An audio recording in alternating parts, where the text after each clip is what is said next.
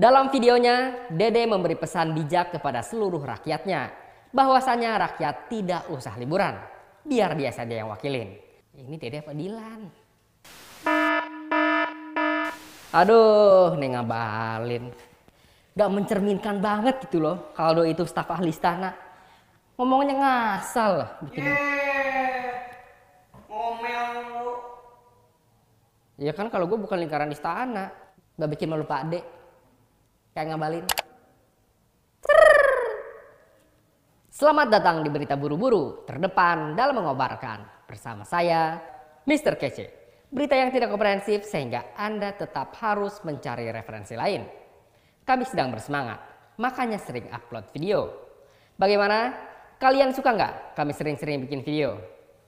Kita ke berita pertama.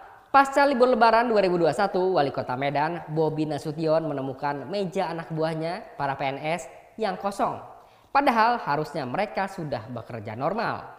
Bobi menemukan hal itu saat sidak di kantor Disduk Capil Medan. Pada layanan loket tertulis tutup. Kayak siapa ya? Doyan ngelain sidak kayak gini.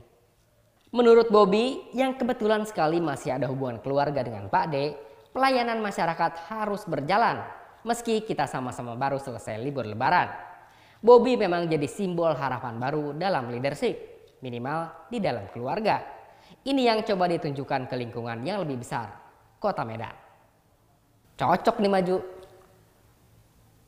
jadi gubernur. Kita ke berita selanjutnya. Bagi kalian yang iri belum vaksin karena usia belum lansia, tapi juga bukan masuk kategori prioritas, kini tidak perlu was-was lagi.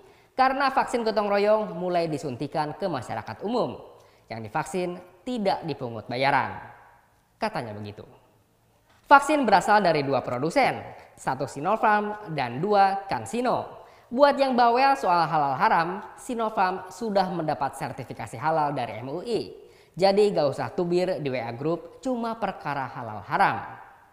Kalau sekarang mah ributnya soal Palestina boy. Kita ke berita selanjutnya.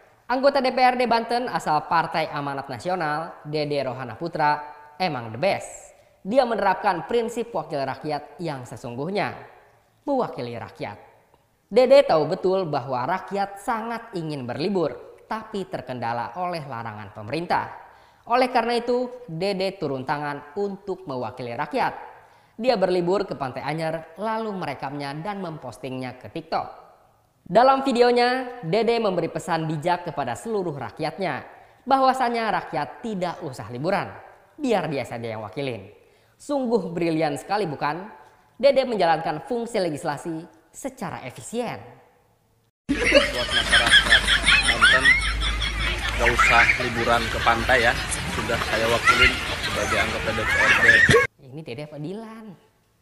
Mungkin Mbak yang kemarin marah-marah di Pantai Anyer bisa mencontoh Dede. Silahkan daftar jadi caleg buat pilkada selanjutnya, biar bisa liburan di saat pandemi.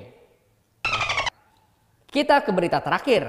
Usai kabar merger Tokopedia dengan Gojek rilis, para driver mitra meminta ada penyesuaian pendapatan. Ketua Presidium Garda, Igun Wicaksono menerangkan, usai dua aplikasi bergabung jadi Goto, bonus dan insentif harusnya dinaikkan. Harusnya bisa sih. Iklan tiga halaman di Kompas aja bisa. Apa iya? Makin hari insentif yang diterima mitra makin kecil? Kalau ditanya seperti itu, Igun yang bukan Ivan Gunawan tegas menyatakan iya.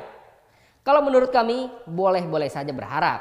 Meski seperti yang sudah-sudah, mitra biasanya nggak punya posisi tawar yang bagus.